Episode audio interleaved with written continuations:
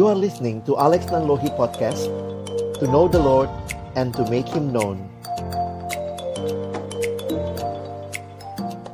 Ini bukan hal yang harus dibicarakan ya Karena sudah dialami paling ya.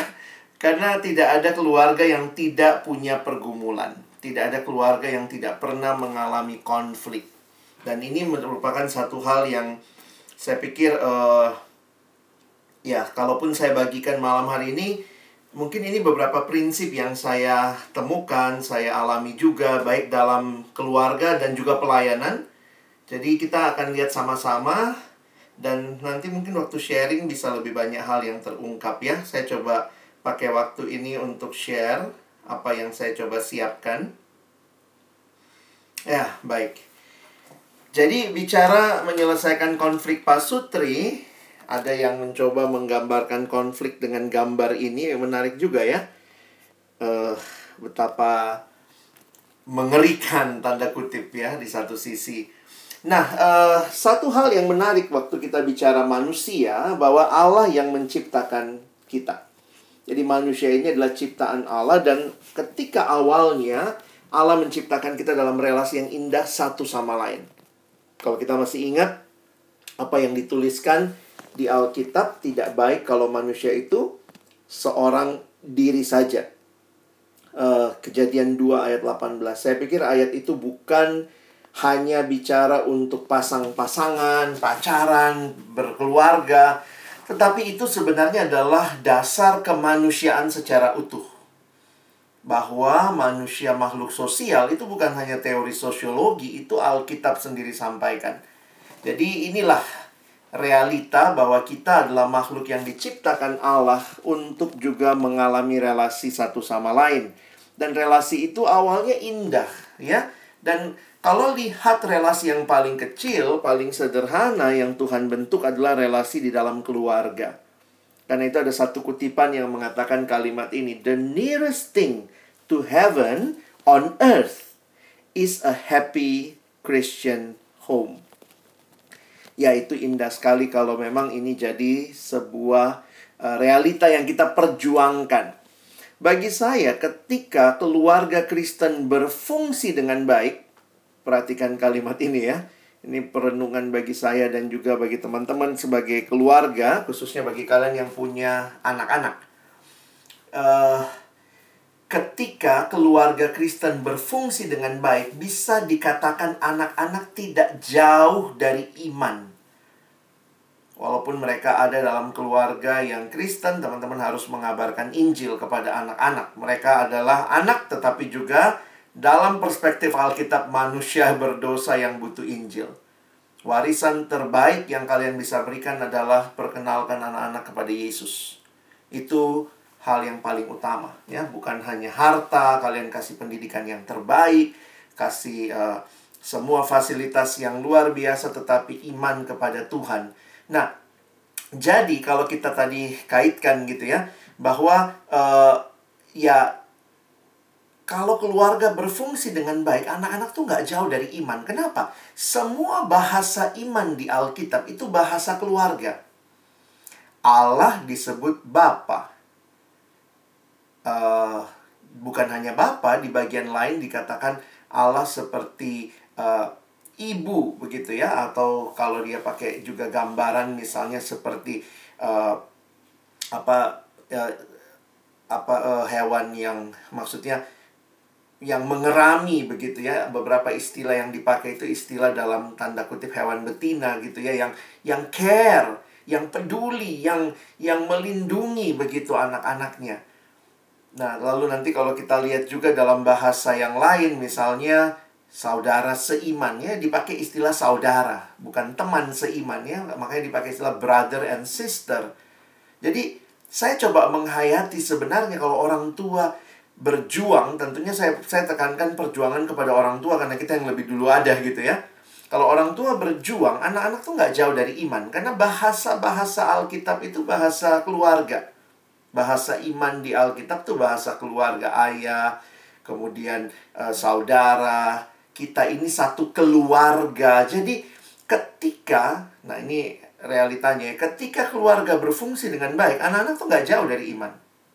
Karena dia udah lihat bapak oh ya kayak bapakku ya jadi gambaran bapak itu dia dapat dari teman-teman para bapak gitu gambaran seorang ibu yang mengasihi ya dia dapat dari mamanya begitu gambaran tentang kita ini keluarga dia lihat gitu ya jadi jangan-jangan nanti begitu anak masuk gereja juga akhirnya ngeliat gini ah sama aja nih kayak keluargaku broken broken juga gitu ya bukan berarti mem bukan berarti tidak ada kehancuran ya kita dalam dunia yang berdosa tetapi realita yang diperjuangkan untuk happy Christian home is a very basic for uh, uh, membangun iman anak-anak. Makanya saya kadang suka lihat kalau keluarga uh, mungkin dia tidak punya banyak hal begitu ya dalam arti materi, fasilitas, tetapi ketika nilai-nilai kerajaan Allah diterapkan, wah itu jadi satu hal yang menarik. Nah, memang yang merusak semua ini kan dosa ya dan ini realita yang kita bisa lihat dari Happy Christian Home menjadi Bart Simpson Home. ya, ya itulah yang terjadi bapak, anak, semua lah itu ya. Dan ini yang kemudian kalau kita bicara konflik, nah teman-teman sudah bisa lihat juga. Memang konflik biasanya antara suami dan istri. Ya. Tetapi jangan lupa ya kalau sudah punya anak sering kali korban utama dalam konflik keluarga sebenarnya adalah anak-anak. Bahkan di beberapa keluarga, bahkan keluarga Kristen yang akhirnya tidak tahan, akhirnya memilih perceraian. Dan ini sangat menyedihkan. Dalam minggu ini ada satu yang konsultasi cerita tentang kehidupan keluarga dan nah ini pilihannya kok cerai gitu ya. Dan ini ya bagi saya sangat menyedihkan ya bagaimana menolongnya yaitu masalah lain lagi tapi opsi itu terbuka di otak dia di satu sisi uh, kemudian akhirnya ini jadi masalah yang yang besar lah. Karena akhirnya keluarga juga sebagian juga akhirnya mendukung perceraian ada juga yang tidak. Dan belum lagi efek sampingnya ya. Beberapa konflik menyebabkan kekerasan dalam rumah tangga, kekerasan yang juga akhirnya bisa berakibat kepada hal-hal yang physical abuse ya. Tetapi bukan hanya physical abuse, kadang-kadang yang lebih menyedihkan, menyakitkan sebenarnya katanya adalah uh, verbally abuse.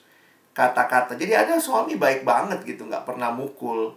Tapi kata-katanya itu loh ada istri yang memang nggak pernah sih menikam suaminya, menusuk, tetapi kata-katanya telah mematahkan semangat, telah membuat ya itu mematikan karakter begitu ya. Dan di sinilah saya pikir kita ya kalau konflik itu membangunnya banyak hal lah ya.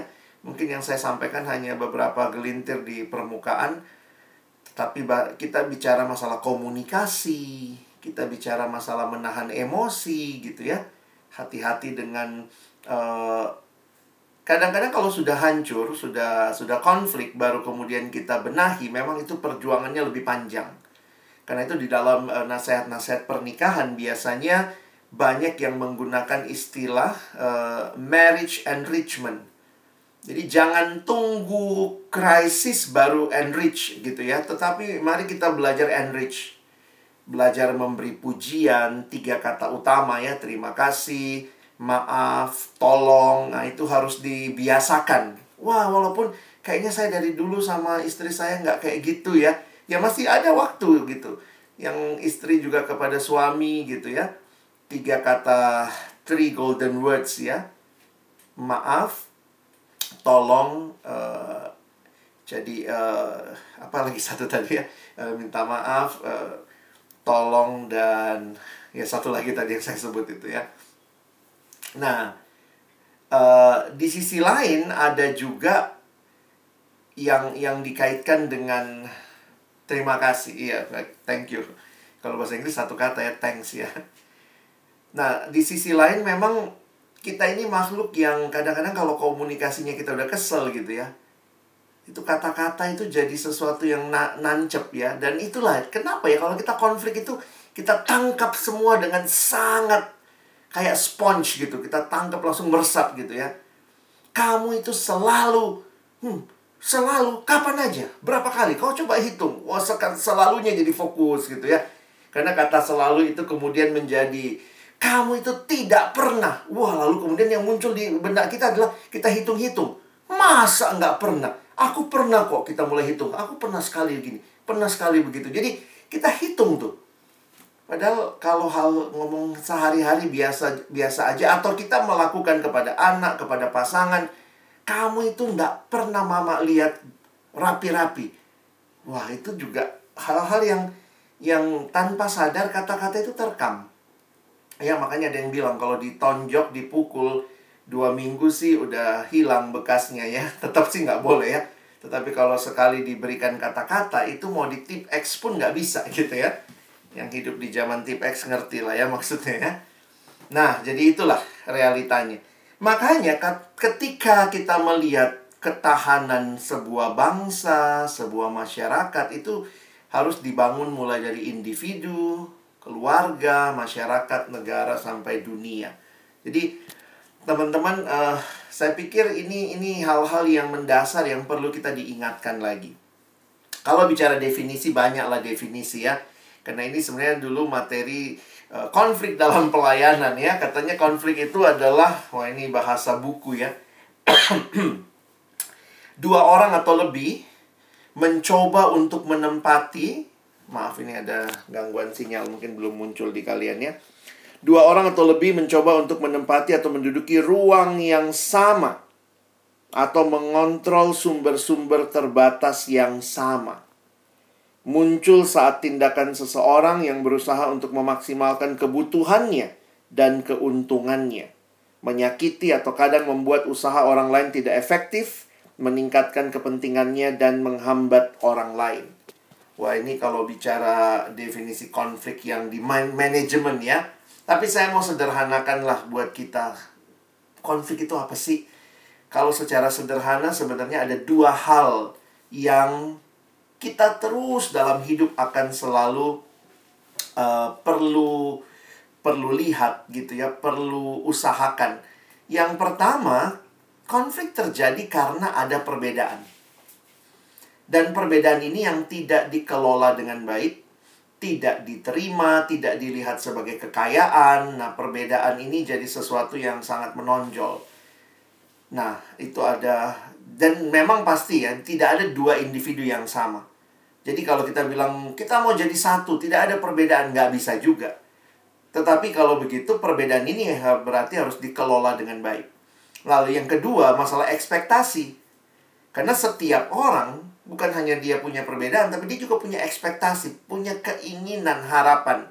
Jadi sering kali konflik ketika saya sulit menerima perbedaan. Perbedaan ini bisa apa? Latar belakang budaya, dalam satu budaya pun cara kita dibesarkan membuat kita juga kayak bisa jadi sulit menerima. Kalian juga mungkin alami ya. Ada yang dari budaya sama-sama orang Batak tapi di rumahnya kayak begini, yang satu lebih kayak begitu. Belum lagi kalau ada perbedaan misalnya berkaitan dengan uh, satu anak bungsu, satunya anak tunggal, satunya anak sulung. Nah, itu akan sangat berbeda dan kemudian setiap kita dalam hidup juga punya ekspektasi. Nggak salah, jadi jangan juga hilangkan ekspektasi.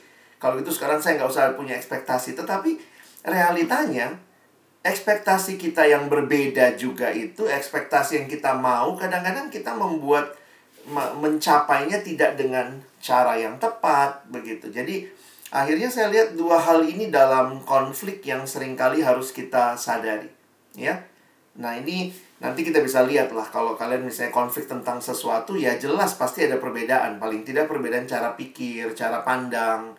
Lalu kedua ada ekspektasi. Nah kenapa saya harus masukkan ekspektasi? Karena sebenarnya menyelesaikan konflik kita mesti dengar ekspektasi masing-masing karena bisa jadi apa yang kita ekspektasikan sama tapi dengan bahasa yang berbeda saya juga mau yang terbaik kok buat anak-anak. Jadi kadang-kadang kita itu juga mencurigai ekspektasi orang. Nah, ini jangankan dalam keluarga ya, di pekerjaan, di ini. Jadi bisa jadi kita satu tim pelayanan. Nah, maaf saya kena bicara pelayanan ya. Satu tim pelayanan itu kan siapa sih yang mau yang jelek buat pelayanan ini? Tapi begitu dia punya cara yang berbeda, kita tuh langsung merasa kayaknya dia mau hancurkan pelayanan ini. Loh, padahal kita ekspektasinya sama kok mau yang terbaik, cuma caranya aja beda gitu. Nah, dalam keluarga juga ini sedih juga kalau ternyata kita mulai curiga. Kayaknya istriku ini nggak terlalu suka ini. Keluargaku diperhatikan. Nah, mulai itu. Ada ekspektasi yang dia lihat kok kayaknya nggak terpenuhi dari pasangan. Bahkan mendidik anak pun atau mungkin menyekolahkan cari sekolah anak dan segala macam bisa jadi kalau ekspektasi ini tidak dibicarakan dengan baik, dan kadang-kadang kita menganggap sudah saling tahu. Tapi ternyata yang satu bilang maunya sekolah internasional, yang satu bilang udah sekolah nasional plus aja lah. Enggak lah, kalau internasional dia akan begini, yang ini udahlah negeri aja. Wah udah mulai. Kita aja bisa berbeda ekspektasi, lalu kemudian kita mulai curiga. Kayaknya bapak ini nggak suka ya anak-anak ini maju. Loh, wah mulai marah gitu. Karena ekspektasinya kok kau bilang aku begitu aku nggak mau kok anak-anak seperti itu aku juga mau yang terbaik gitu tapi semua punya uh, berbagai cara nah sehingga teman-teman ini harus kita ya kalau bahasa bahasa psikologinya sih atau konselingnya di, harus di manage ya memanage perbedaan memanage ekspektasi makanya ada yang namanya manajemen konflik nah tetapi di tengah-tengah kayaknya sedih banget ya kalau konflik itu perbedaan tajam segala macam. Tapi lihat ada manfaatnya loh. Konflik itu kita makin kenal dan makin paham orang lain, pasangan kita. Oh, ternyata aku salah menilai dia ternyata juga yang terbaik kok buat anak-anak. Dia itu malah perhatian sekali loh sama keluarga aku, cuma caranya aja beda sama caraku. Nah, jadi makin paham. Nah, sarana untuk kita evaluasi diri, semakin cermat melihat masalah. Jadi kita makin tahu nih kalau terulang lagi, oh ini nih intinya. Karena kadang-kadang belum tentu intinya yang kita address, kita main di permukaannya atau di pinggir-pinggirnya. Yang kita main yang kayak uh, tadi saya bilang ya, yang kita perhatikan bukannya apa yang dikatakan, tetapi apa yang menjadi hal yang nyerap ke kita. Kamu selalu, selalunya yang dilihat Oh, kau gitu ya? Kau bilang aku selalu ya? Coba. Uh, jadi bukannya kita menangkap oh sebenarnya itu cuma bahasa dia untuk menyatakan bahwa dalam banyak kesempatan ini loh yang dia lihat dari saya. Wow, jadi memang ini nggak mudah. Ya, tapi akhirnya kita makin cermat lihat masalah.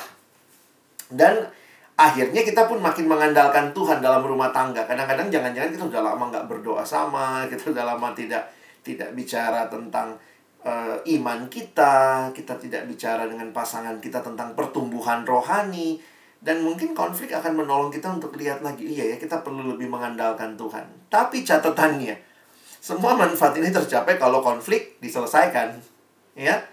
Nah, karena itu uh, saya langsung lanjut aja ya kepada mengatasi konflik. Nah, tentu dalam mengatasi konflik ada banyak nasihat yang diberikan, tapi yang menarik juga firman Tuhan bicara tentang hal ini, ya. Saya ajak kita lihat Yakobus 3, kita nggak akan PA mendalam ya, kita cuma lihat saja ayat-ayatnya dan perhatikan.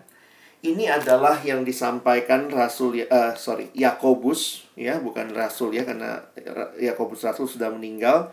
Kemungkinan ini adalah Yakobus saudara Yesus. Dia berkata begini, Siapakah di antara kamu yang bijak dan berbudi? Baiklah ia dengan cara hidup yang baik menyatakan perbuatannya oleh hikmat yang lahir dari kelemah lembutan. Jika kamu menaruh perasaan iri hati dan kamu mementingkan diri sendiri, janganlah kamu memegahkan diri dan janganlah berdusta melawan kebenaran. Nah, ini lihat ya eh, faktor-faktor yang bisa men, men, memicu konflik. Itu bukan hikmat yang dari atas, yang datang dari atas tetapi dari dunia, dari nafsu manusia, dari setan-setan. Perhatikan 16. Sebab di mana ada iri hati dan mementingkan diri sendiri, di situ ada kekacauan dan segala macam perbuatan jahat. Coba pikir-pikir ya, kalau kita tanpa sadar nih ya, kita kan semua manusia yang sudah jatuh dalam dosa. Kita ditebus oleh Yesus benar. Tetapi perjuangan hidup kudus itu bukan satu kali lalu kemudian kita menang terus. Makanya Paulus mengingatkan kita ini adalah peperangan rohani. Hati-hati. Iri hati, mementingkan diri, termasuk kepada pasangan kita. Bisa jadi kita bilang ya tanpa sadar, keluarga aku lebih baik mendidik aku dibanding keluargamu. Nah, kita mulai merasa diri paling benar.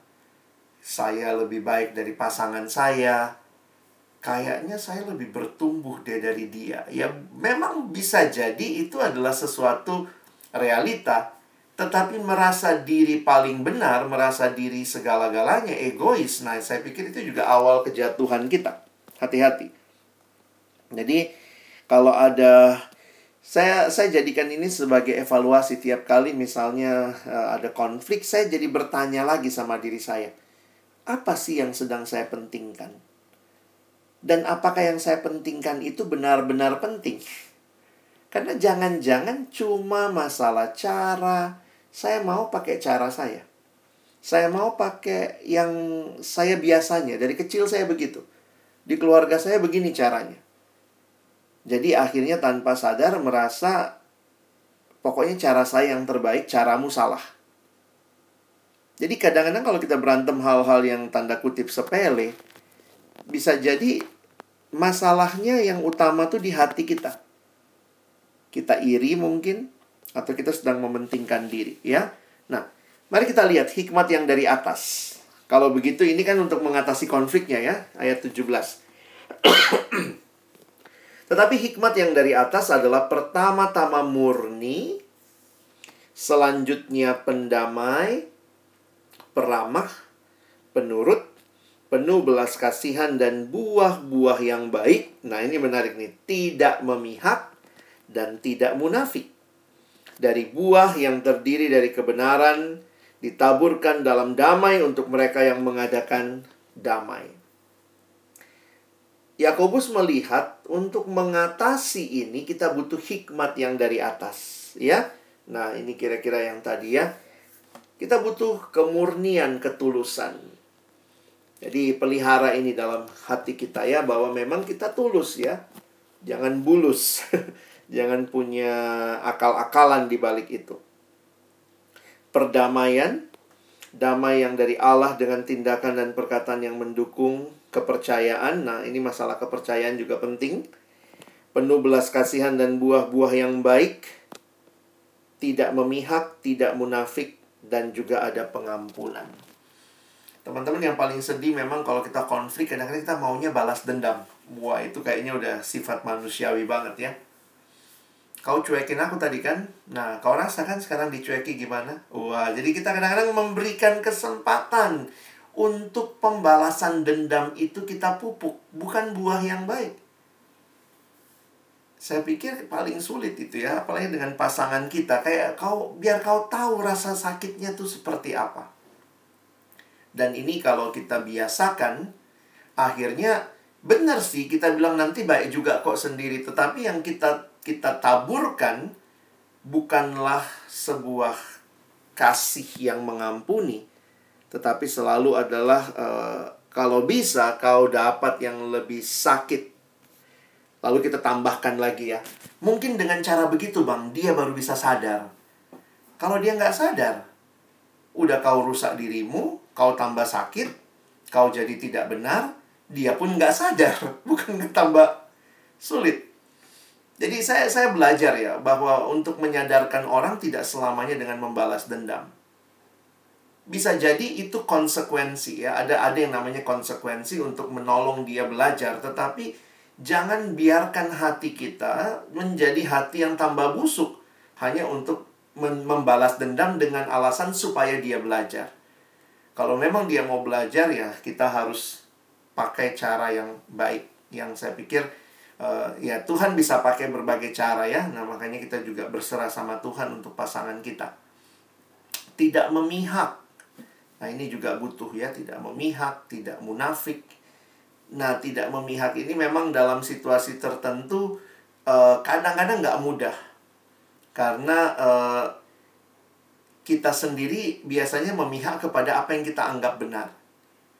Jadi ini boro-boro bukan untuk orang lain saja, tapi untuk diri kita. Bisa jadi kita lihat benar juga sih yang dia bilang, tapi kayaknya saya nggak rela deh untuk kalah debat sama dia. Jadi akhirnya kita tanda kutip memihak pandangan kita yang kita tahu sebenarnya nggak sepenuhnya benar juga. Oke, jadi langkah praktisnya apa? Bicarakan dengan tenang. Nah, setiap orang beda-beda ya. Ada yang waktu konflik maunya langsung selesai saya pikir teman-teman sudah lebih dari 10 tahun pernikahan, kalian kenal lah pasanganmu ya. Ada yang memang habis konflik atau pada saat konflik tuh nggak bisa diselesaikan langsung saat itu karena dia butuhnya tenang dulu. Nah di sini kita akan makin kenal ya. Bicarakan dengan tenang, kalau perlu minta bantuan pihak ketiga. Tapi poin saya adalah begini. Uh, hati-hati dengan pihak ketiga yang khususnya kalau terlalu cepat keluarga campur ya jadi uh, kalau buat saya konselor pernikahan saya tulis di sini karena ini pihak yang lebih netral. Kalau konfliknya berkepanjangan dan gara-gara konflik itu pengaruh sama berbagai hal dalam kehidupan, saya pikir teman-teman sudah harus butuh konselor.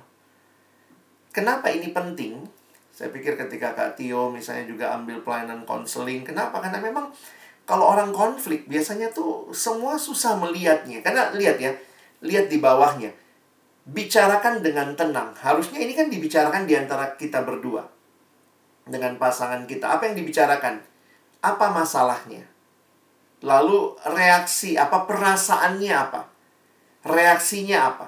Lalu share perasaan masing-masing. Nah, bayangkan kalau dua yang konflik ini membicarakan ini tidak dengan kepala dingin. Nah, makanya kadang-kadang butuh konselor yang bisa melihat keduanya. Karena kalau saya keluarkan perasaan saya, bisa jadi pasangan saya merasa saya diserang dengan perasaan dia. Nah, jadi akhirnya memang untuk situasi yang sulit, kita perlu uh, konselor. Makanya ada teman-teman yang sekolah khusus buat hal-hal seperti ini karena saya pikir nah ada survei, surveinya agak sedih sih sebenarnya ya. Teman-teman tahu bahwa beberapa keluarga yang sebenarnya datang ke konselor itu karena masalah-masalah dasar tidak diselesaikan jadi numpuk. Numpuk, numpuk, numpuk, numpuk. Kayak orang koleksi perangkok. Terus dinumpuk gitu ya. Terus setiap kali konflik terus ditempel lagi, ditempel lagi. Nah begitu mau dibuka, wah itu ada yang sobek-sobek begitu ya. Dan sedihnya, ini ini buat kita lah ya yang di atas 10 tahun pernikahan ada beberapa keluarga yang membiarkan mendiamkan konflik yang sudah bertahun-tahun dan biasanya sekitar tujuh tahunan lalu kemudian itu pecah jadi konflik yang lebih besar jadi selama masih bisa berdua diselesaikan cobalah tapi kalau kalian rasa butuh konselor nah ini juga konselor pernikahan itu tidak semuanya kalau sudah masalah besar ya kadang-kadang kalau kalian merasa kita butuh juga orang lain yang memberikan. Kadang-kadang begini, KTB sangat membantu. Saya sangat bersyukur dengan KTB-KTB keluarga. Karena kadang-kadang kita mau tegur suami kita atau istri kita. Kalau kita yang ngomong kayaknya susah. Nah, terus dia dengar lah waktu sharing uh, suami orang atau istri orang sharing. Saya begini-begini loh, saya berjuang loh, perhatiin. Nah, terus kemudian mulai kalau di KTB kami biasa tuh, dengar pak, dengar itu dengar itu kayak bapak si Anu kau ya. Jadi itu secara tidak sadar bisa menolong kita melihat bahwa iya ya ada bagian dalam diri saya yang memang harus dibaharui. Nah, tetapi ketika KTB juga bisa bias. Biasnya misalnya istri sama istri saling ngomong kan. Iya nih suamiku kayak gini gini gini. Ya udah nanti di KTB aja kita bilang ya misalnya gitu ya. Lalu kemudian waktu ngomong terus kemudian semua itu tuh dengar itu. Jadi Mungkin kita butuh, kalau kondisinya cukup serius, kita butuh orang yang pihak ketiga yang bisa melihat netral. Dia nggak kenal kalian secara mendalam, tidak kenal teman-teman kalian, tetapi dia bisa memberikan nasihat, ya. Nah, yang memang dikeluarkan, harus dikeluarkan itu adalah perasaannya. Karena biasanya ini yang terpendam dan akan jadi masalah. Jadi, permasalahannya di permukaan kelihatan, tetapi harus digali apa perasaan di balik itu. Karena perasaan itu yang biasanya jadi masalah.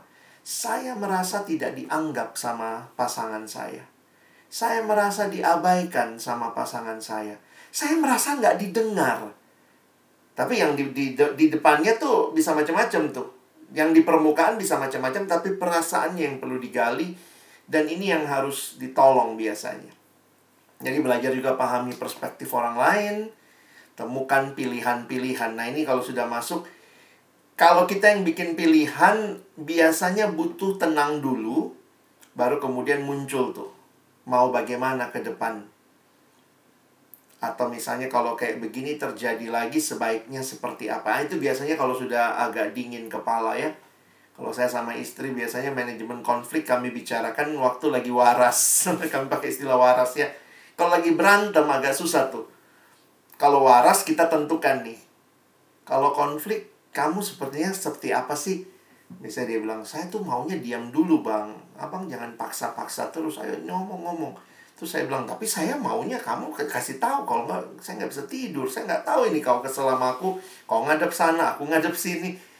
Jadi waktu kita saling memberitahu, kasih tahu, lalu kemudian kita stepnya apa, dari situ kita jadi bisa tahu. Walaupun waktu berantem kadang-kadang juga ternyata apa yang pernah disepakati nggak kejadian juga ya.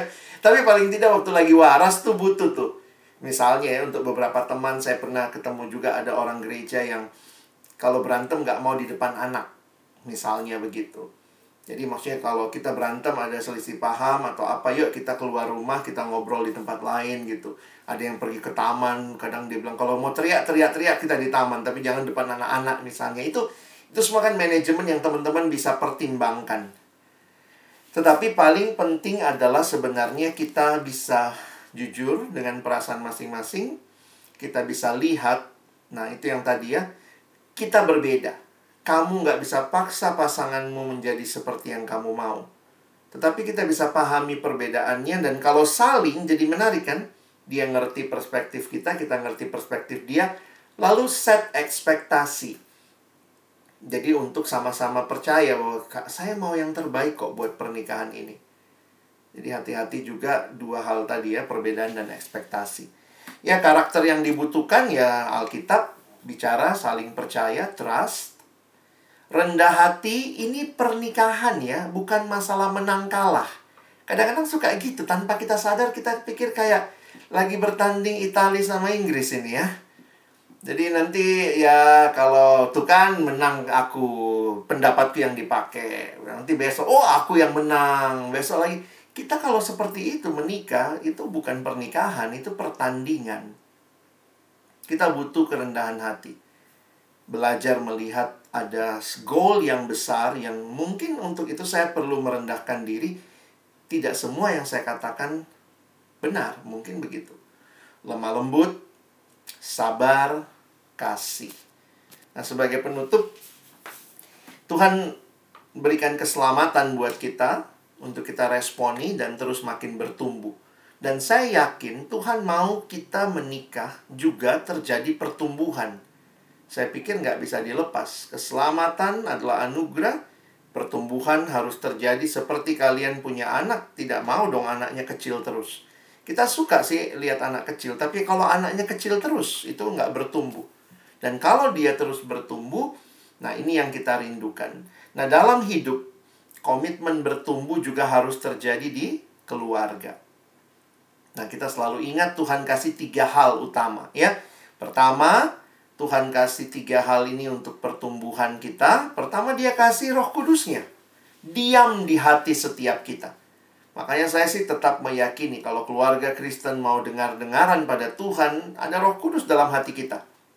Roh kudus itu kan menginsafkan akan dosa, menolong kita untuk kita bisa uh, hidup benar, hidup kudus. Percaya Tuhan kasih Roh Kudus. Ada di pasangan kita, ada di anak-anak kita yang percaya, yang mereka mengaku Yesus sebagai Tuhan dan Juru Selamat. Yang kedua, Tuhan kasih firman.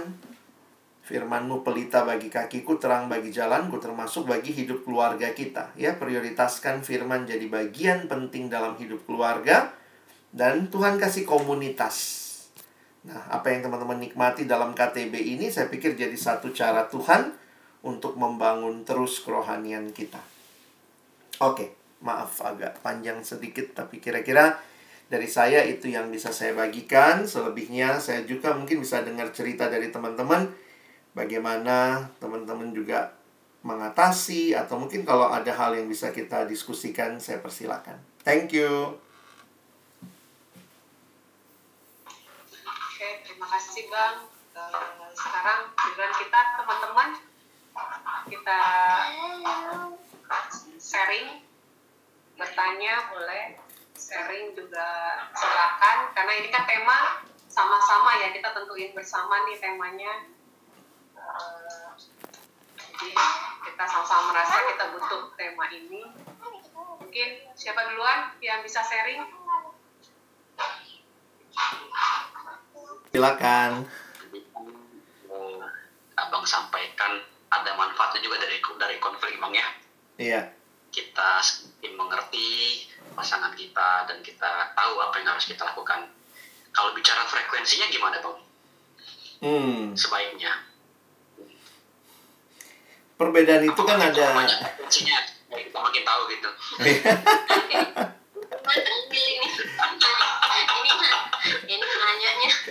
ini Hera pengenalan itu kan nggak nggak melulu harus lewat konflik. Masih banyak cara positif. Tapi pengen dia bang. Tadi manfaatnya bagus kan bang? Ya makin Iya. Berarti kan harus kita tingkatkan frekuensinya kan bang ya. Bukan Hera kalau nggak nanya kritis begitu dari dulu itu. Ya kita bersyukur lah pasti eh, konflik itu ada manfaatnya. Dalam Alkitab juga karena perbedaan itu jadi satu hal yang selamanya ya. Jadi kita pikir saya pikir memang kita harus antisipasi konflik itu ada dan saya juga percaya ya kalau Tuhan memberikan perbedaan itu Tuhan kan juga bisa mengasah kita lewat perbedaan itu untuk bertumbuh. Makanya ada ayat di Amsal eh, besi menajamkan besi orang menajamkan sesamanya nah yang paling menajamkan kita kan pasangan kita Nah, tiap hari sama dia terus gitu ya. Nah, tapi itu yang saya bilang tadi, mengenal, membangun juga banyak hal-hal dengan cara yang positif. Cara yang diusahakan. Makanya tadi ada pelatihan-pelatihan sekarang yang namanya marriage enrichment. Kalau kalian tertarik eh, boleh ikut gitu ya retret-retret marriage enrichment karena dia mengajarkan hal-hal positif tentunya dalam membangun. Makanya kayak tadi ya pakai 5 3 golden words belajar memberi perhatian. Jadi gimana supaya kehidupan pernikahan itu di-enrich? Karena banyak orang bilang eh, merasa begini, dia udah dia udah pasanganku, udah seumur hidupnya kami begini. Tetapi sama kayak tanaman, kalau nggak di-cultivate, tidak dikasih pupuk, nah itu juga hati-hati. Beberapa pernikahan sudah sangat hambar. Dan beberapa pernikahan khususnya yang sudah punya anak yang besar itu bertahan cuma karena anak dan cuman kayak kontrak aja. Nggak ada lagi getar-getarnya, nggak ada lagi eh, apa ya. Nah, jadi kalau saya lihat sih di satu sisi cobalah untuk membangun itu. Makanya ada yang bilang gini, jatuh cinta itu gampang, mudah. Yang sulit itu bangun cinta. Karena membangun cinta itu harus terjadi sampai hari ini. Nah, kalau ditanya seberapa sering konflik itu, ya saya pikir sih eh, teman-teman yang harus bisa lihat gitu ya. Em, kalau konflik, jadi kalau saya melihatnya ini juga, kalau kita konfliknya hanya terus-menerus di hal yang sama, berarti kan kayak nggak selesai-selesai ya. Walaupun juga itu hal yang unik ya. Bapak mama kita yang mungkin nggak pernah ikut perkantas pun juga ngalamin kan. Orang tua cuman sampai sampai udah menikah sekian tahun ada yang konflik gara-gara mencet odol. Jadi itu kan yang satu mencet dari bawah, satu mencet dari tengah. Ada yang mencet cara bersihkan tempat tidur, melipat selimut. Nah, poin saya adalah ada hal-hal kecil yang memang udah kayak begitulah kehidupan ya. Makanya biasa dengar nggak dari orang tua kita gitu. Nggak ngerti mama sama bapakmu itu ya. Lah, mama aja nggak ngerti gimana kami yang merit kan situ ya. Padahal udah merit sekian tahun loh. Tapi ada hal yang kayak memang memang beda kami. Tapi mereka walaupun merepet mulutnya, tapi sebenarnya kan hatinya tuh ya dia suamiku gitu, dia istriku. Nah, poin saya untuk perbedaan-perbedaan seperti itu yang kadang-kadang bikin konflik, ya kesel-keselan setengah hari gitu ya. Ya kita lihat di bapak mama kita, oke lah, saya masih toleransi. Tapi hal-hal yang prinsip, yang dasar, yang itu berkaitan dengan misalnya hal yang lebih luas dalam keluarga, saya pikir itu harus ada penyelesaian yang lebih mendalam. Dan itu yang saya pikir kalau itu terjadi sering-sering dan ber- berarti terulang terus, berarti kita nggak pernah sebenarnya punya kesepakatan dasar, ekspektasinya nggak kita samakan begitu. Jadi saya tetap melihat konflik itu membuat kita sadar kita berbeda, tapi di sisi lain juga jangan terlalu sering konflik, apalagi untuk hal-hal besar, karena itu berarti kita nggak pernah solve that problem. Mungkin itu kali Her. Iya bang. Iya. Makasih bang. Sama-sama. Sabar kau Marlina ya.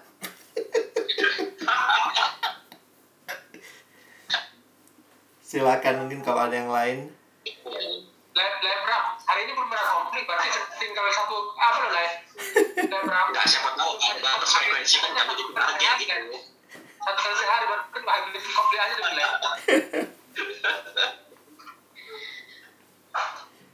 Oke, mungkin dari aku bang sedikit. Iya, Ya. silakan. Eh, mungkin aku nggak terlalu menyimak secara menyeluruh ya, tapi mungkin salah satu hal yang perlu yang apa ya yang dasarnya ya dalam hal menyelesaikan konflik itu memang adalah satu eh, apa eh, menerima apa adanya atau tanda kutip mungkin apa mensyukuri lah ya menerima apa adanya lah seperti itu pesan kita tetapi Iya. mungkin ini agak sedikit berkontradiktif dengan apakah orang yang bisa menerima apa adanya itu artinya tidak mem- memiliki ekspektasi mungkin bisa bang terangin nggak Hmm, korelasinya seperti itu bang Nah ini menarik nih, pertanyaanmu banyak dalam konseling pernikahan juga begitu ya. eh ini susah-susah gampang dijawab. Karena saya meyakini, ini keyakinan dulu ya, bahwa setiap orang dalam hidup akan terus bertumbuh. Nah, tetapi realitanya sering kali di dalam kenapa konflik bisa terjadi terus-menerus karena kita berpikir dia harusnya berubah dong. Nah, biasanya gitu tuh. Jadi kita kan suka bilang gini, menerima apa adanya dengan berharap dia jadi lebih baik, itu kan dua hal yang berbeda. Nah, sehingga ada yang suka nanya, sebenarnya batasannya di mana, Bang? Kita memang terima aja dia begitu, atau kita terus harus mengubah dia. Nah, itu jadi menarik juga itu. Di dalam pacaran pun saya temukan banyak yang bertanya seperti itu. Nah, buat kita yang sudah mengalami, gampang nggak mengubah pasangan? Be, sampai Tuhan Yesus datang itu kayak nggak bakal selesai ya. Tapi poin saya adalah begini, menerima dia, tapi jangan pernah menutup atau menutup kerinduan kita untuk pasangan kita juga mengalami pertumbuhan. Makanya saya mungkin pakai istilah pertumbuhan lah ya. Karena kalau perubahan itu kan kadang-kadang ekspektasinya dari yang saya eh, saya nggak suka kok pakai baju itu. Ya kita minta dia berubah. Tapi kan poin saya sering kali itu cuma masalah selera. Tetapi ada beberapa hal yang saya yakini, saya tetap meyakini karakter bisa diubah oleh Tuhan, oleh situasi, karena karakter itu adalah sesuatu yang bertumbuh melalui proses. Ada Tuhan di situ, ada situasi, ada orang lain, ada pertumbuhan diri. Nah, jadi saya tetap meyakini menerima misalnya istriku cerewet, Bang. Istriku pokoknya eh, sulit sekali mengampuni misalnya. Istriku sulit mengampuni. Ya udahlah, saya terima aja dia sulit mengampuni. Saya pikir satu sisi, ya mungkin sekarang itu yang bisa kau lakukan. Menerima dia adalah orang yang masih belum terlalu sanggup mengampuni. Tetapi kerinduanmu bagi dia, doamu, saya yakin harusnya bukan hanya ya sudahlah inilah dia. Tetapi Tuhan proseslah dia. Nah, yang memang harus kita jaga adalah hanya karena dia belum seperti yang kita pikirkan, jangan menganggap kita lebih baik dari dia. Karena kadang-kadang waktu gini, masa ngampuni gitu aja nggak bisa? Katanya Kristen. Nah, itu kalau sering kali dalam percakapan-percakapan yang kayaknya kita mau dia berubah, tetapi caranya kita adalah merendahkan dia dan tanpa, tanpa sadar kita menganggap diri kita lebih baik. Jadi mungkin saya nggak jawab pertanyaanmu langsung ya, tapi saya pikir ini dua, dua rel. Dua hal yang terjadi seperti rel kereta ya. Satu sisi terima dia, tapi sisi lain jangan stop untuk merindukan dia bertumbuh. Jadi kalau kita hanya kadang-kadang kan dunia suka bilang pilihlah salah satu ya udah terimalah dia apa adanya. Eh kalau dia pemarah masa kita terima terus ya kita terima tetapi ada kerinduan dan doa kita juga terarah kepada perubahan karakternya. Mungkin itu.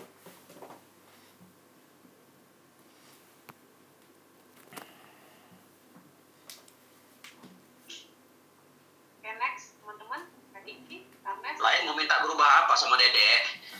Bukan berubah le bertumbuh le Bertumbuh. Oh iya, diminta? Lah jujur aja. bertumbuh le kayak kayak tanaman yang di depan rumah ber- bertumbuh Kak Diki dulu mungkin Kak Diki. Eh, iya bang, aku mau tanya. Eh, saya dengan suami itu eh, berapa belas tahun ya? Kami menikah 2008. Berarti ini sudah 12 tahun ya? Eh, dua- 13 ya? 13 tahun ya? Iya, 2008 sekarang Iya. 2021, 13 tahun. Iya. Jadi selama 13 tahun itu eh, kami jarang sekali konflik. Jadi eh, memang ya karena saya kakaknya Kak Tio eh, tahu lah ya Hmm. sudah sudah dibekali persiapan pernikahan, bagaimana menerima pasangan, segala kekurangannya lah. Nah, eh, termasuk kalau misalnya kita lagi ada pertengkaran, anak-anak kan nggak pernah tahu kapan mama papanya ribut itu nggak pernah tahu karena memang kita mencari momen anak-anak sudah tidur kita baru bicara gitu ya yang jelas selama 13 tahun menikah itu mungkin konflik kami itu nggak nyampe 10 kali gitu. Belum belum bisa belum belum ada lah. Cuma masalahnya begini sehat nggak sih hubungan suami istri yang seperti itu? Nah, artinya eh, memang saya akui kalau dalam setiap pengambilan keputusan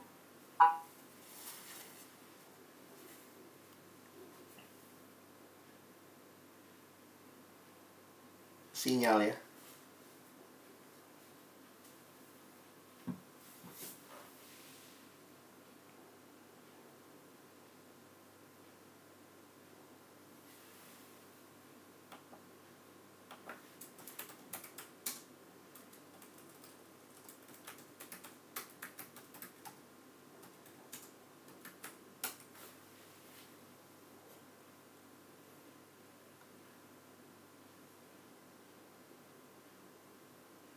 Ya kalau aku boleh kasih ini ya, sehat tidaknya hubungan tidak hanya bergantung kepada banyak konflik atau tidak banyak konflik.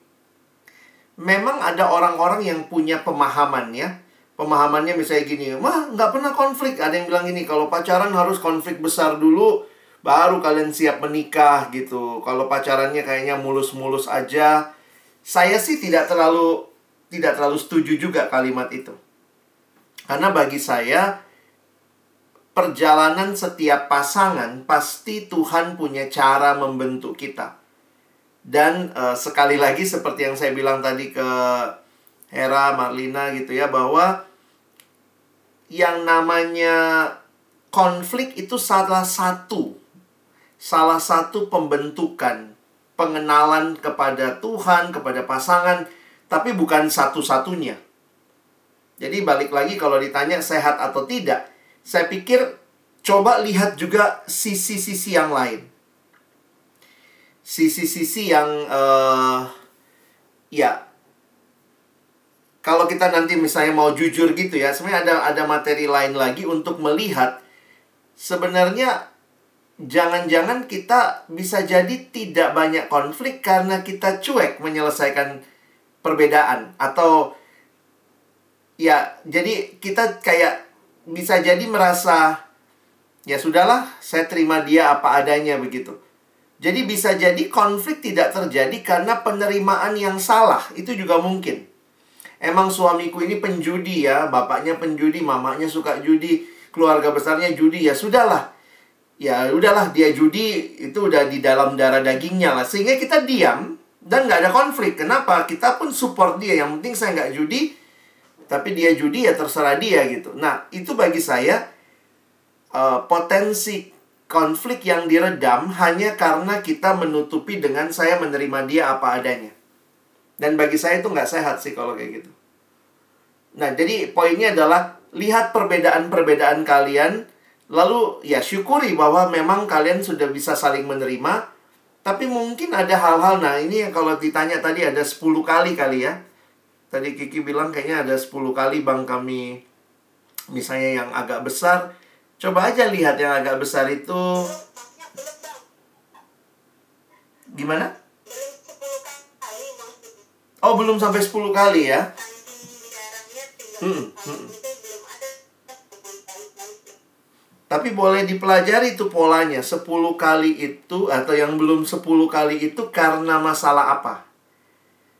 Dan apakah hal-hal itu memang sudah sudah terselesaikan dengan baik? Kalau memang sudah baik, puji Tuhan, gak usah kita bilang, ayolah kita berantem berantemin apa yang udah jelas enggak lah, nggak begitu sih. Kalau saya penghayatannya begitu. Mungkin dari yang lain kali, saya dengan istri juga di tiga tahun pertama kami struggle ya, banyak berantem. Tapi ke belakang ini, ini tahun yang ke-10 kami, udah jarang. Bahkan hampir nggak pernah. Bukannya karena apa ya, jadi kesel-keselan ada gitu ya, tapi ada beberapa hal yang karena memang sudah dibicarakan, saling memahami, tapi ya kita juga waktu evaluasi ya bahwa jangan sampai terjadi kita saling membiarkan. Ya udahlah ke karena kamu kayaknya begitu aja. Makanya saya kesimpulan saya semua itu tadi ya. Tetap ada kerinduan bertumbuh. Dan bertumbuh itu adalah proses yang Tuhan berikan pada pasangan kita bersama dengan Tuhan, bersama dengan kita dan bagusnya kalau dia bilang, tolonglah saya juga bertumbuh dalam aspek itu. Nah, jadi kayak dia sendiri sadar dan kita diajak untuk bersama menolong dia gitu. Jadi itu prosesnya lebih enak kan ketimbang kau mesti berubah begini ya. Udah bahasanya nggak enak, kesannya saya yang maksa dia. Jadi mungkin itu uh, prinsipnya yang saya bisa bagikan.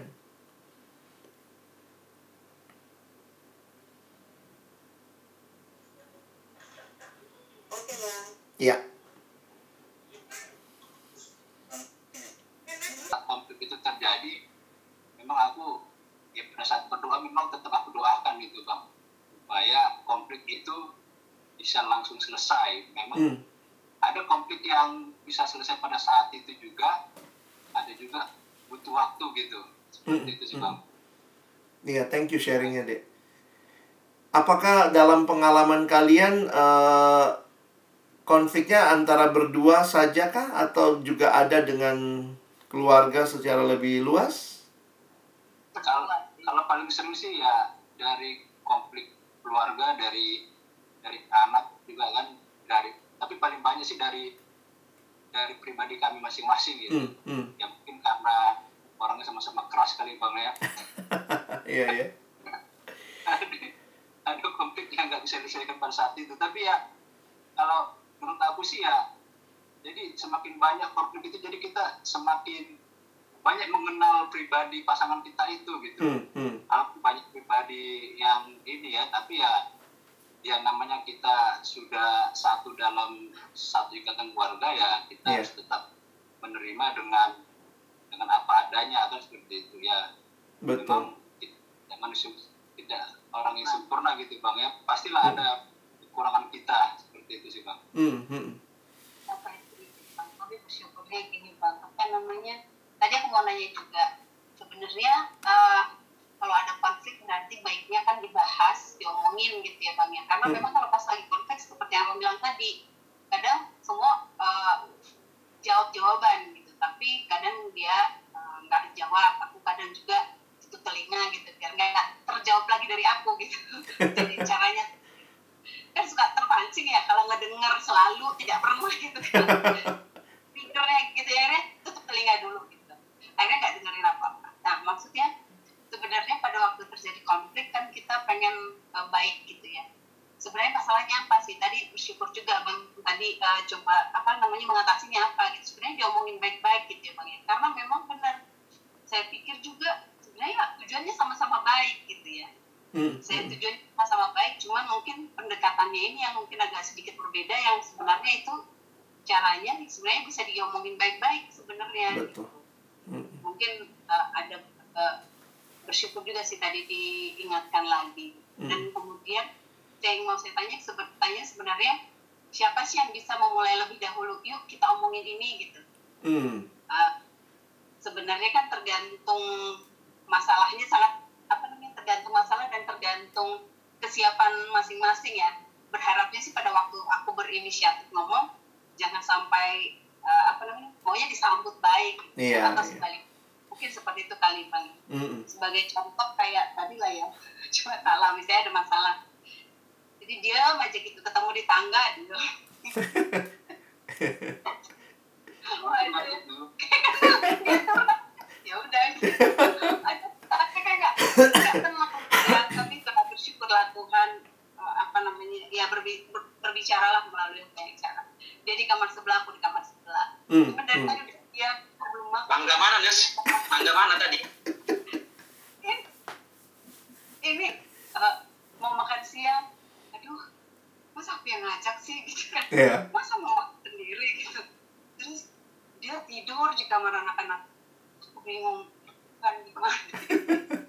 Dan apa yang belum selesai sebenarnya? Cuman ya udah gitu.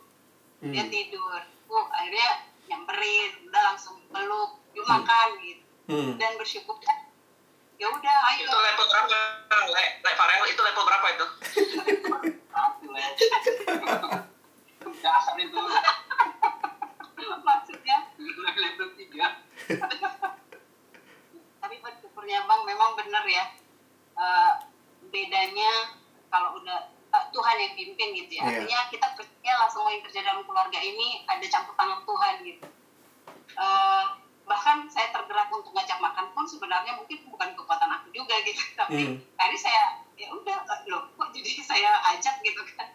Ya bersyukur bang diingatkan lagi. Gitu. Mudah-mudahan konflik yang mungkin level 3 yang belum kelar ini ya tinggal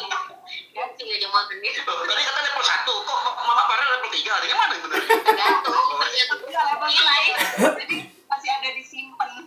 Hmm. tapi level itu tergantung ekspektasi itu. Ekspektasinya beda iya ya berbeda latar belakang gitu ya dia anak teknik aku anak hukum mana satu kata dia omong aku bisa masuk ini dong berarti ini dong ini ah pusing aku ngomong sama kamu Anak hukum banyak ini ya, Nes ya. Beda tuh definisi levelnya itu.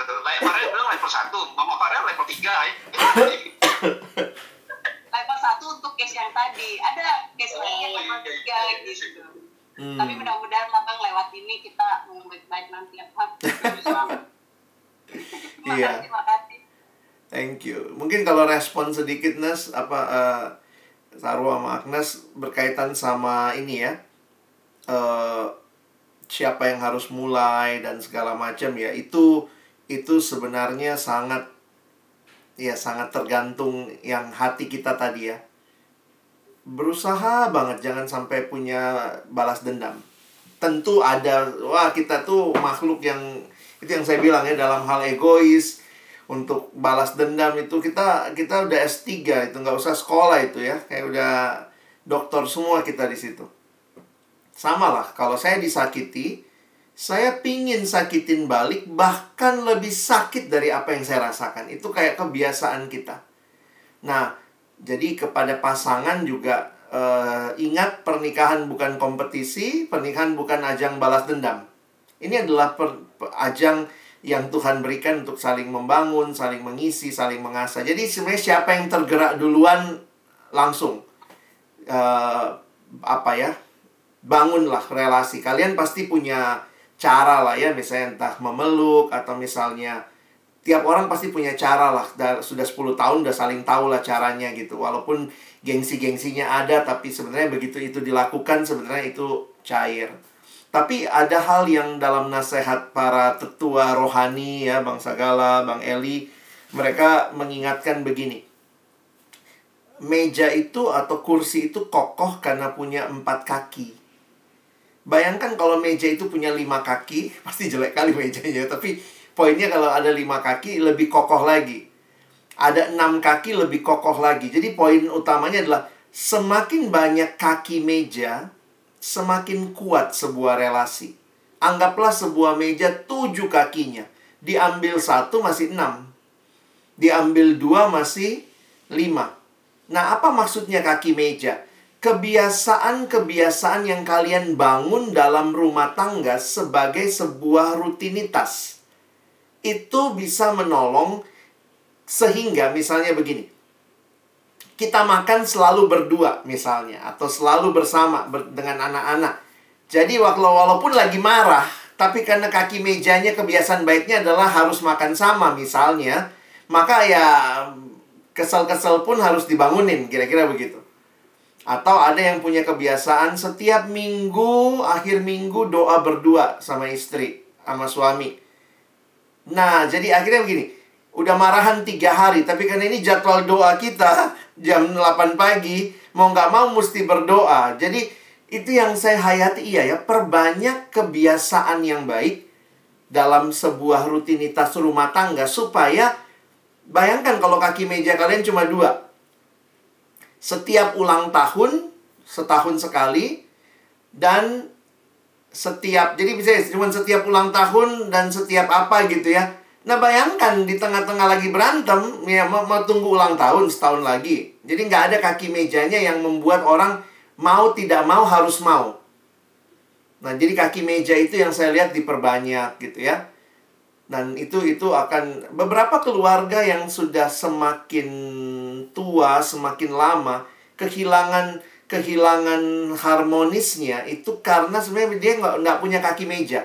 Tidak ada hal yang dia lakukan berdua lagi. Apalagi kalau anak-anak sudah besar, suami sibuk, istri sibuk. Ya cuman berdua ke mana? Pesta. Di pesta itu juga kan semua sibuk sama dirinya gitu ya. Di mobil juga sepanjang mobil semua dengan HP-nya. Jadi kalau berantem itu di pesta aja kelihatan baik, tapi sesudah itu sebenarnya tidak ada kaki meja di hadapan Tuhan yang dibangun. Nah, perbanyak kaki meja kalian. Kebiasaan-kebiasaan baik yang lebih rutin sehingga kalau berantem kita harus doa nih ya sudahlah baikan dulu gitu kan karena Tuhan bilang apabila kamu berdoa ampunilah sekiranya ada yang bersalah kepadamu jadi itu menolong kita. Mungkin itu nasihatnya sih. Makasih. Sama-sama. Meja Kak Kiki dulu pakai ban, Bang, nggak pakai kaki. yang yang kayak di kafe-kafe itu ya. Iya. Iya, benar. Kak Kiki aja nggak Kak Kiki mejanya pakai ban. Itu dan lagi nggak lagi meja itu Nggak ada lagi ya. Aku aku sedikit ya bang Iya, silakan Dek. kalau kami sih kalau konflik aku tadi lewat tangga nggak nggak bersapa. Kalau kami tempat tidur itu di tengah jadi luas. Karena satu nggak ada mana satu nggak ada mana kayak gitu kan. Terus ada bantal guling yang nutupi muka gitu ya kan. Oke. nah terus eh, yang membuat kadang-kadang saya menikmati pada saat KTB kayak yang abang bilang tadi kadang-kadang KTB itu membantu. Bukan kadang sih sangat membantu komunikasi yang biasanya kita tersendat ketika ngomong berdua itu nggak bisa Iya. Nah, saya terbantu di situ karena saya tipenya nggak eh, lebih menyimpan orangnya. Jadi pada saat KTB ketika membahas topik yang kebetulan kena, kadang bisa jadi terungkap di situ. Jadi bisa sampai makanya ketika kami membahas buku misalkan Secret Marriage atau eh, Secret Parenting dan yang awal-awalnya dulu tentang apa pernikahan apa gitu. Nah, jadi di situ terbantu bersyukur memang ada Hmm, KTB Eh, kami tertolong di dalam hal itu. Jadi eh, Bapak Kenji juga bisa mendengar teman-teman seperti apa sih di rumah tangganya. Kami pun jadi bisa melihat oh ternyata juga ada hal yang sama Hmm. seperti itu. Jadi kami bisa sharing. Eh, benar yang abang bilang tadi Jadi KTB sangat Iya, membantu. sangat membantu. Betul. Bukan hal-hal yang kadang-kadang pasangan suami istri sulit untuk terbuka. Iya. Bukan membantu, membantu memperbanyak konflik bukan ya? Benar-benar. Setuju. Itu nah apa Richard mana ngomong eh ngomong lah jangan ditahan-tahan. Jadi keluar dari cuma iya, hidungnya ngomong-ngomong hidungnya yang kelihatan. Aku pemalu orangnya, le taunya Bang Alek itu. aku orang pemalu. Tapi kau sama Eti masa kau nggak kau harusnya lebih nggak tahu malu kan? Iya. level ini pasti panjang nih banyak soalnya. silakan silakan nih. Ini pendek aja pendek. Eh, makasih lah buat Bang Alek ya atas waktunya di KTB kami ini. Ya salam kenal mungkin tahun tahun berapa terakhir ketemu kita ya Bang ya di Perkantas itu pun sekali ketemu. Iya. ya untunglah jodoh saya ini Eti mungkin abang udah kenal sama Eti dan mungkin dulu abang nggak nyangka kok jadi ini pula suaminya gitu kan Eti mah dari siswa ya Ti ya? Iya ya. iya Masih putih abu-abu. jadi yang kalau dari konflik kami ya sama sih seperti keluarga lainnya bang ya mungkin kami lebih banyak hotnya. Kalau dari level juga mungkin di atas dari keluarga Sarwo sama Agnes bisa 5 atau 10 cuma level itu kan kita yang nentuin kan levelnya apakah bisa kita selesaikan atau nggak bisa ya kita tunda dulu. Nah terkadang yang konflik yang sering level yang biasa sering masalah perkataan yang abang bilang tadi maaf terima kasih sama satu lagi Tolong. tolong gitu ya Ah, memang kata-kata itu agak agak susah sih dari saya untuk eh, mengungkapkan apalagi lebih dari tiga kata itu I love you aku cinta padamu gitu kan kaku aku bang terus terang Iya iya iya. iya. Nah, Sama kadang kalau misalnya uh, malaikat datang sama aku, begitu aku bilang, I love you, mam. TKT, katanya kayak gitu. Mau tai kau, katanya gitu, bang. Jadi, masalah kan. Begitu aku ngomong begitu, dianggapnya iblis yang datang sama aku. Tumbenan dia ngomong begini, gitu kan. Memang istriku kalau mengungkapkan itu, bisa tiga kali sehari lah ngomong, Pak, I love you. Aku jawab, tuh, tuh, gitu aja, bang karena pernah ngomongkan ngomong itu karena di rumah tangga dari mama dulu juga jarang ngomongkan sama kami. Betul betul. aku cinta padamu nak gitu. Jadi di kami menganggap apa sesuatu yang ini gitu. Apalagi baru belakangan inilah keluarga kami kalau ketemu cipika cipiki gitu. Ketemu sama paman atau ini kan. Nah kalau dulu kami jarang begitu, jadi ya anggap tabu lah seperti itu. Nah begitu aku berumah tangga, begitu aku ngomong I love you, anakku ngomong cie cie, gitu. malah anakku yang ngompor-ngompori kayak seakan-akan Iya kayak iya. belum pernah terjadi nih, ada apa nih sesuatu ini, cie cie gitu. Nah kalau istriku ngomong I love you ya anakku udah biasa, oh iya iya gitu. Kalau dari bapaknya memang agak tabu bang, jadi itu yang aku coba mau belajar Iya. itu hal yang kecil sebetulnya dari konflik kami itu gitu loh karena Hmm. kalau aku cu- sudah belajar untuk ya ma aku maaf ya tadi aku salah aku tadi gini gitu. Mungkin itu terbiasa dari awal tadi tuh aku belum belajar untuk Hmm. hello aku ngomong "Ah, kamu cantik. Nah kalau itu susah kali aku ngomongnya bang. Susah kamu cantik banget ini gitu kan.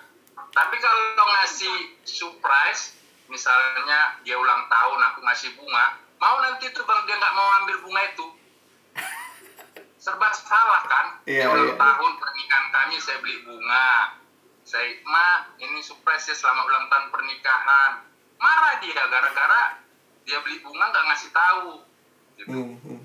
hal-hal yang kayak gitu aku serba salah bagaimana bang di dalam Iya, rumah iya. tangga seperti itu Bang, ini saya baik bagi istri saya lain gitu kan nah, tapi dia berharap aku yang lebih salah lagi gitu Hmm. hmm. jadi tambahin bebek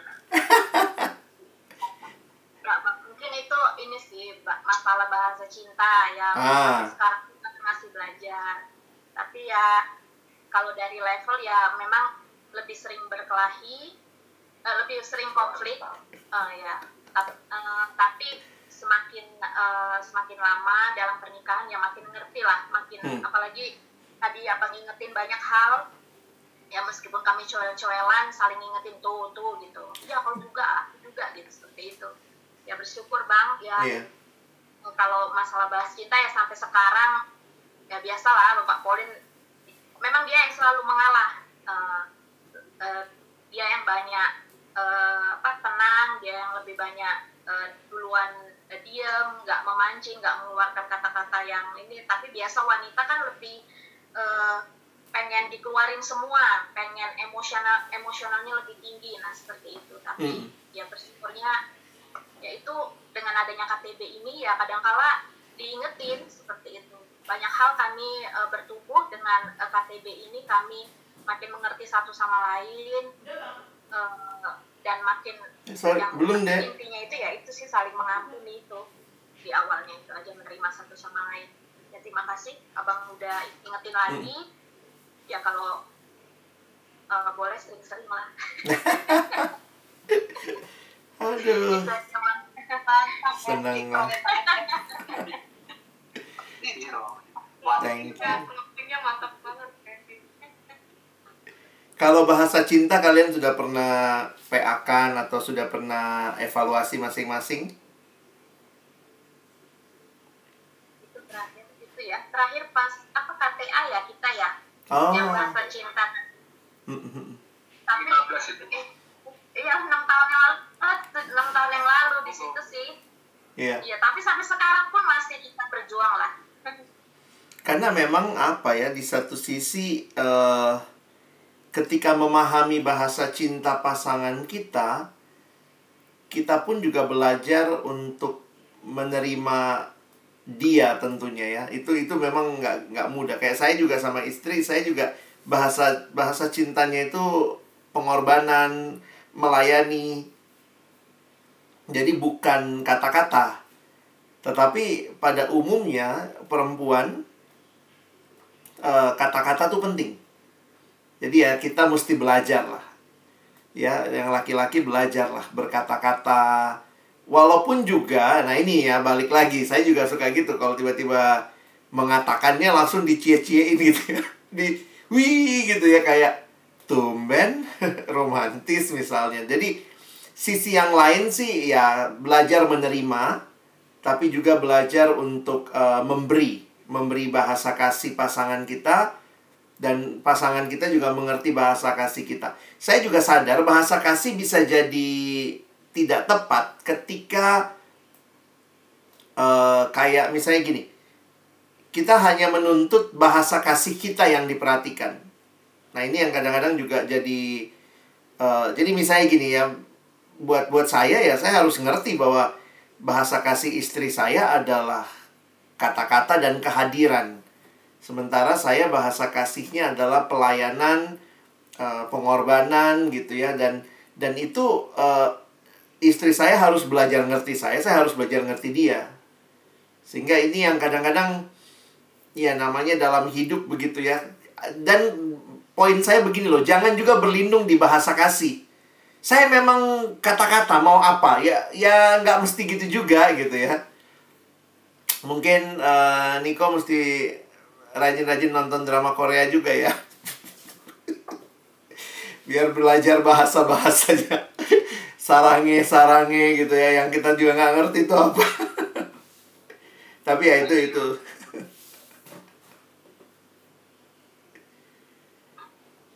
Oke, teman-teman, ada lagi dari teman-teman? Bang, terakhir dari aku, Bang. ya dek Apa ya, Bang? 949. Eh, eh, kalau apa? eh, aku cukup in- cukup introvert gitu ya. Dan sering aku cerita ke teman-teman KTB, kalau kami ada masalah, aku lebih, lebih sering menyelesaikan dengan diri sendiri.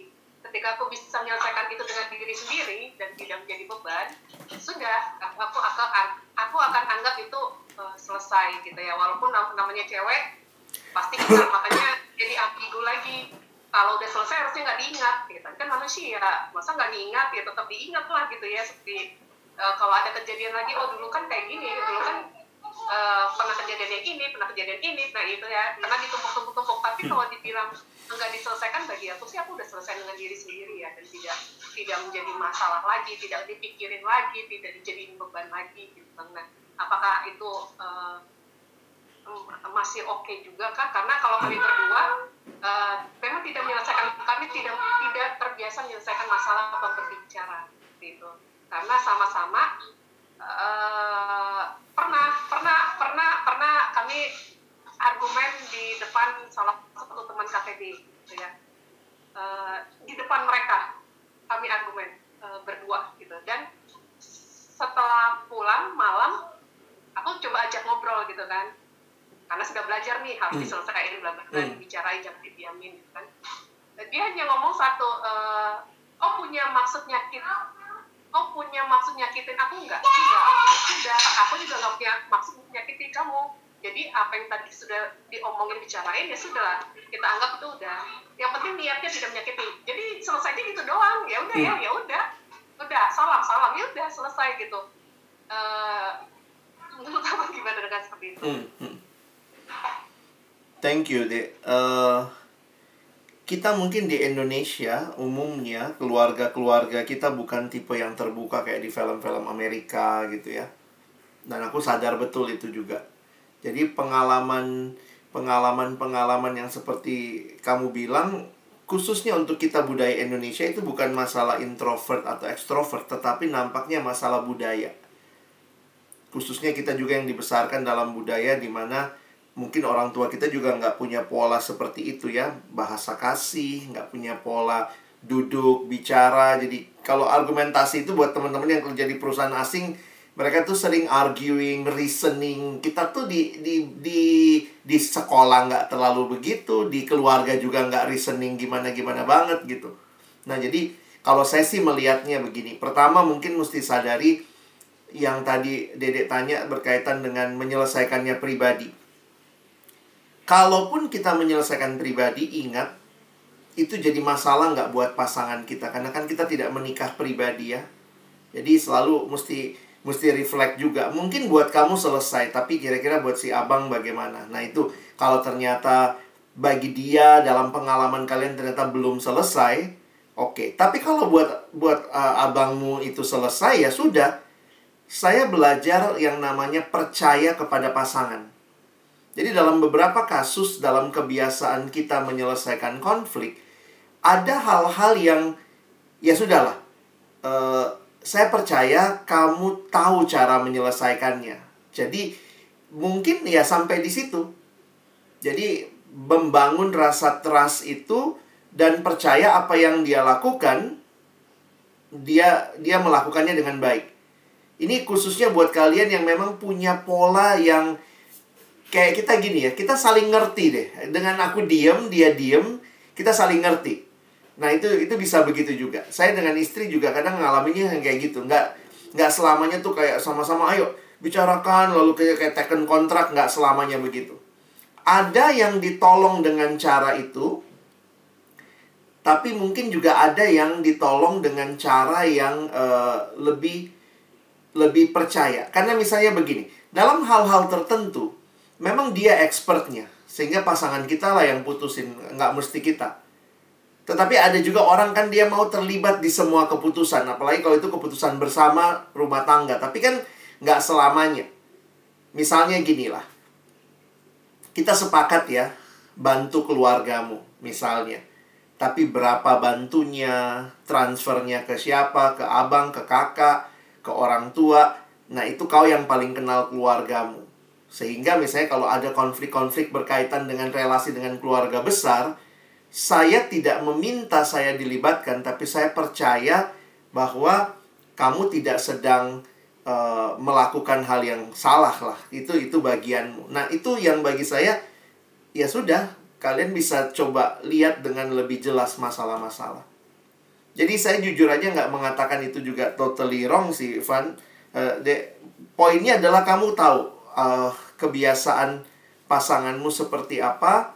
Kalau dia orangnya sangat reasoning, nah mungkin kamu perlu reasoning. Tapi kalau enggak ya enggak apa-apa juga gitu. Kalau saya sih lihatnya lebih lebih kayak itu ya. mungkin juga menambah sedikit bang Hmm. jadi eh, memang kalau kami memang eh, orang Batak ini memang itu bang bukan nyanyi aja yang romantis bang. Tapi kalau kesehariannya nggak nggak susah Betul. banget lah. Seperti yang tadi bang Niko tadi kan kayak gitu bang ya. Betul. jadi memang itu satu masalah yang apa bukan masalah ya. Oh, mungkin perilaku apa yang mungkin budaya yang yang yang Hmm. ke bawah lah. Ya, Hmm, dari dari dari kampung seperti itu bang. Jadi memang itu satu hal. Nah kenapa tadi saya bukakan masalah eh, menerima apa adanya tadi yang di Hmm. awal Hmm. karena memang itu menggambarkan apa yang aku gitu bang ya Nah, yang saya pahami lah seperti itu kenapa karena kalau aku ditanya kalau ada satu konflik kalau udah selesai nggak ingat lagi tuh bang yang mana ya Hmm. nggak Hmm. pernah aku ingat-ingat suatu hal konflik karena karena memang seperti yang aku bilang itu kan hmm, menambahkan yang aku bilang juga itu eh, kita harus belajar untuk mempercayakan pasangan kita bahwa dia mampu untuk menyelesaikannya seperti itu kan ya mungkin di situ bang Hmm. Eh, dari sisinya aku ya terserah kalau masalah yang mana kalau ditanya lagi aku pertama kali kan kalian konflik ditanya aku nggak ingat lagi Hmm. nah mungkin seperti itu kan artinya udahlah selesailah situ apa adanya lah seperti itu ya itulah kira-kira jadi Hmm. ya tadi mungkin ya ya itulah mungkin pergumulan kami mungkin bisa semakin lebih mengenal seperti itu caranya kali dibuat Tuhan Iya. Sejauh kalian sepakat dan maksudnya itu menjadi pola yang yang kalian anggap baik sih no problem ya. Nah, cuma mungkin concern saya lebih kepada nanti gimana ke anak-anak ya. Sebaiknya kalian punya pola yang disepakati ya, tidak harus mengulang pola orang tua kalian. Nah, ini poin saya misalnya eh, kebiasaan mengatakan kalimat-kalimat yang mensupport anak. Saya pikir sih banyak juga orang Batak yang saya lihat sudah berubah yang di kota inilah ya. Karena mungkin banyak nonton film, banyak ketemu budaya lain. Jadi apa yang tidak kamu dapat dari orang tua, sekarang kamu lakukan ke anak. Beberapa uh, word of encouragement itu kan kita pelajari ya dalam budaya dan anak-anak sekarang tuh tumbuhnya dengan hal itu dikatakan hebat, ih kamu luar biasa gitu ya. Dulu ya ampun kita di kita udah bagus pun apa orang tua oh segitu nilaimu. Nah, saya pikir eh, kalian mesti sepakat juga tidak mesti mengulang apa yang kalian dapat dari keluarga dulu karena ada perubahan generasi dan mungkin kalian berdua yang masih kaku tetapi ke ke anak sebaiknya sepakat mau seperti apa. Supaya nanti menolong mereka juga eh, bertumbuh dengan dengan ya peliharalah kehangatan itu juga ada. Mungkin kalian agak susah ke pasangan karena terbiasa sama-sama kita dalam generasi yang lalu ya. Tapi ke anak ya kebiasaan memeluk, kebiasaan untuk me- menyampaikan kata-kata penguatan saya pikir itu harus dilakukan ya.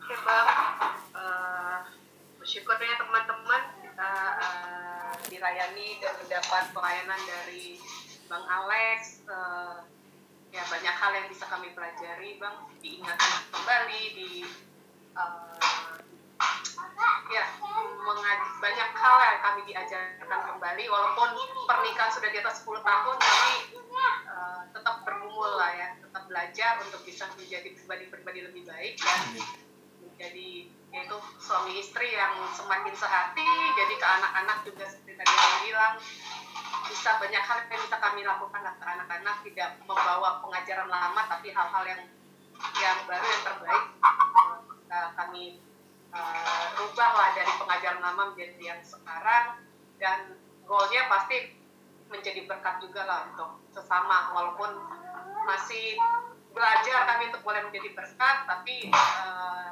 ya setidaknya dari diri kami sendiri bisa bisa di, di- terus bertumbuh dan ke depannya semoga bisa semakin menjadi berkat juga. Banyak gitu, teman-teman. Eh, sebelum kita doa penutup kita